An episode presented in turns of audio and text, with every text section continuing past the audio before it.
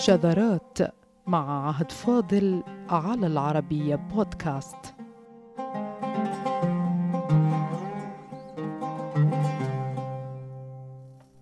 لا توجد في مصادر العربية معلومات كافية توضح ما جرى مع صاحب تهذيب اللغة. أبو منصور الأزهري عندما تحدثنا في حلقة سابقة عنه بصفته مثالا مزدوجا للعلم الراسخ في العربية ولذاكرة أنصفت العرب في سلوكهم وأخلاقهم وقيمهم بعدما عاش في أسرهم دهرا طويلا ولما عاد إلى مسقط رأسه في هرات الأفغانية التي كانت جزءا مما كان يعرف بخراسان كتب للعربية أيها السادة تهذيب اللغة الذي صار من أهم معاجمها في وقت لاحق. فالمصادر العربية اجتمعت أيها السادة على أن الأزهري وقع أسيرا بيد العرب وكان ذلك بحدود الثلاثين من سنه عندما كان عائدا من الحج في بداية القرن الثالث للهجرة وأنه عاش بينهم دهرا طويلا أي لعشرات السنين دون أن يعرف ما الذي جرى بينه وبين آسريه العرب. حتى احتفظ بحبه لهم فعاد إلى مسقط رأسه في أفغانستان الحالية. وفي أواخر عمره كتب كتاب تهذيب اللغة الذي صار من أهم المراجع العربية اللغوية. لا توجد معلومات عربية عن حياة الأزهري لأن شهرته ارتبطت بتهذيب اللغة وقبلها كما يقال كان خامل الذكر. لا شهرة له بين الناس ولا يترجم له إلا كبيرا شيخا. أما شابا وكهلا فلا يعرف عنه شيء. لا يعرف كيف أحب العرب إلى هذا الحد. مع أنه عاش اسيرا بينهم ومع أن السبب في هذا الحب واضح بأنه عومل بإنسانية مفرطة إلا أنه لا مصادر عربية تغطي هذه الفترة من حياته من العقد الثاني في القرن الثالث إلى العقد السادس منه وهو الزمن المتوقع لعودته من أسره ثم تأليفه تهذيب اللغة ثم وفاته في حدود سنة سبعين وثلاثمائة للهجرة.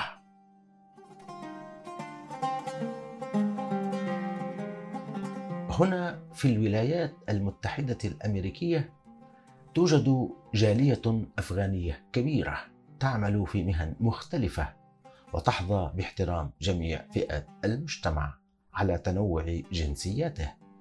سعينا لبرنامج شذرات أعزائنا أن نجمع شيئا من الحياة المجهولة للأزهري.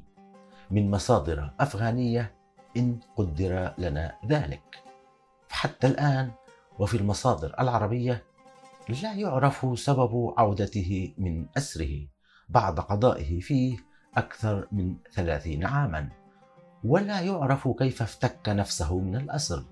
وبعد كل ذلك ما سر تعلقه بالعرب إلى هذا الحد مع أنهم أسروه وبقوة السلاح فوقع في أسرهم إنما بعطف قلوبهم وقوة عطائهم.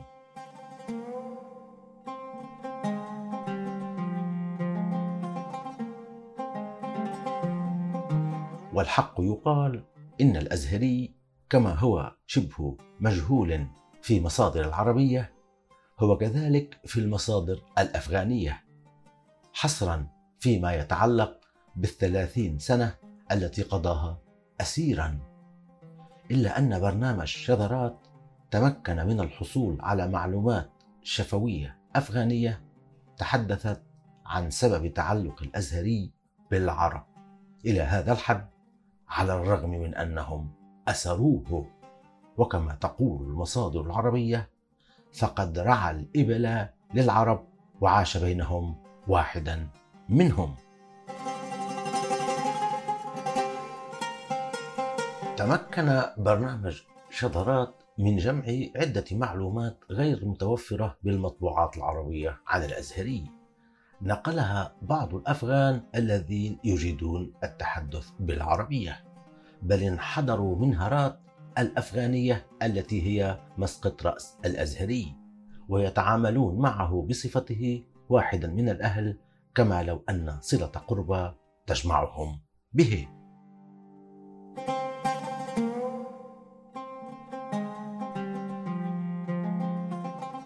في الواقع غالبية من سمع باسم الأزهري خاصة من صغار السن اعتقده بأنه مصري الأصل. لما توحي به نسبة أزهر في اسمه والأزهري نسبة إلى جده الأزهر لا إلى مؤسسة الأزهر الدينية المشهورة في أرض الكنانة إلا أن الأزهري العظيم كان له من يحفظ إرثه من بين أبناء جلدته الذين عاد إليهم من الأسر في ديار العرب ثلاثين عاما ليكتب لآسريه تعظيما لهم وتقديرا منه لما عاملوه به بإنسانية وكرم وعطف.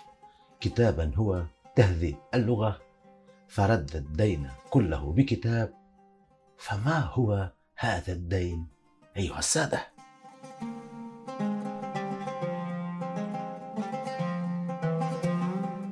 قيل إن الأزهري يحتفظ بهذا الحب للعرب.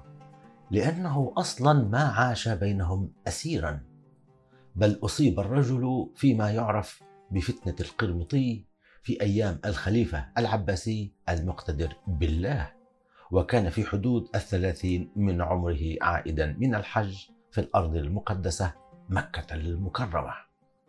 حين ذاك أسر تقول المصادر العربية إلا أن المصادر الشفهية الأفغانية تقول إن الأزهري جرح فنقله العرب إلى ديارهم وعالجوا جرحه حتى تماثل إلى الشفاء.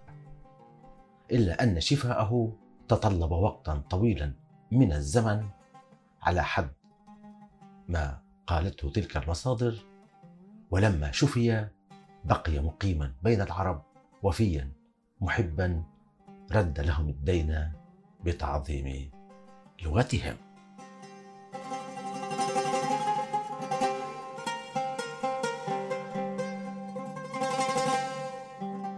الرواية الأفغانية المتناقلة تتناقض ليس وحسب مع المصادر العربية بل مع ما خطه الأزهري بيده في مقدمة كتابه تهذيب اللغة حيث قال أيها السادة وكنت امتحنت بالإسار وكان القوم الذين وقعت في سهمهم عربا من هوازن ومن تميم وأسد.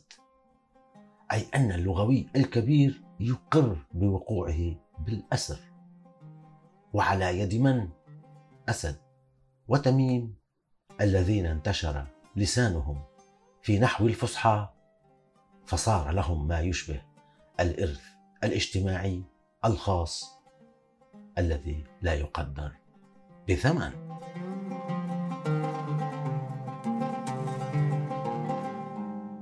فهل كانت المصادر الأفغانية تتغنى بحياة الأزهري حتى حولته إلى أسطورة؟ أم إن فكرة وقوعه بالاسر تترك جرحا نرجسيا ما؟ بحسب الروايات التي هي أقرب إلى الأسطورة وقد تكون بالمناسبة حقيقية أيها السادة. إلا أن المصادر العربية تخلو منها حتى هذه الساعة. فهذا هو سبب عودة الأزهري إلى هرات بعد ثلاثين عاما من الغياب عنها في ديار العرب.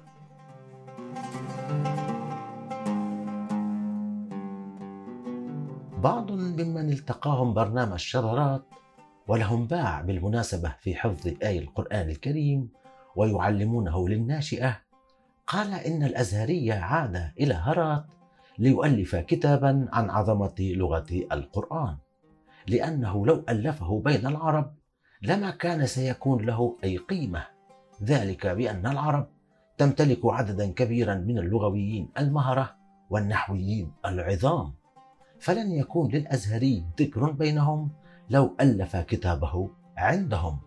فعاد إلى هرات ليقول للأفغان هذه لغة العرب. العظام.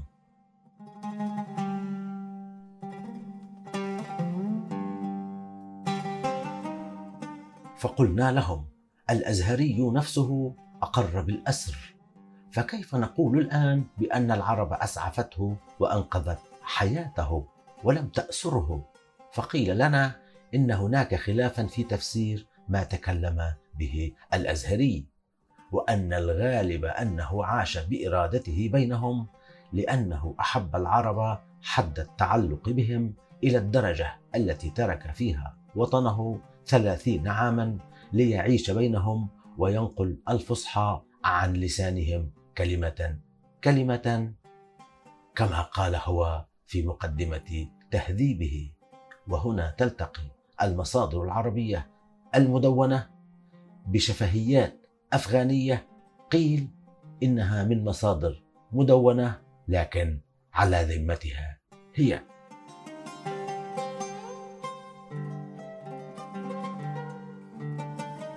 هنا أعزائنا وفي الحالين بالشفهيات غير العربية وغير المدونة والعربية المدونة كما أقرها وحققها رؤساء التحقيق العربي وعلى رأسهم الراحل المصري عبد السلام هارون الذي كان من أشهر محققي كتاب تهذيب اللغة فإن الأزهري دام أسره دهرا طويلا وأنه تخلص من أسره ثم دخل بغداد ثم ألف كتابه تهذيب اللغة في هرات بعد إقامة خاطفة في بغداد مدينة السلام.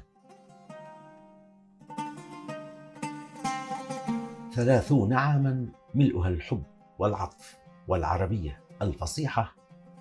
وصلنا منها تهذيب اللغة كرد لدين العرب تعبيرا من مؤلفه الأفغاني عن عظمة آسريه كما قال هو وكما أكد المحققون العرب. أو لأن العرب أنقذت حياة الأزهري بعدما أصيب بطعنة في فتنة القرمطي. بحسب شفهيات غير مدونة إلا أنها لا تخلو من وجاهة ما فقد يكون الرجل قد تحول إلى أسطورة بين أبناء جلدته وهو يستحق ذلك بكل المعايير. أيها السادة إنه أبو منصور الأزهري.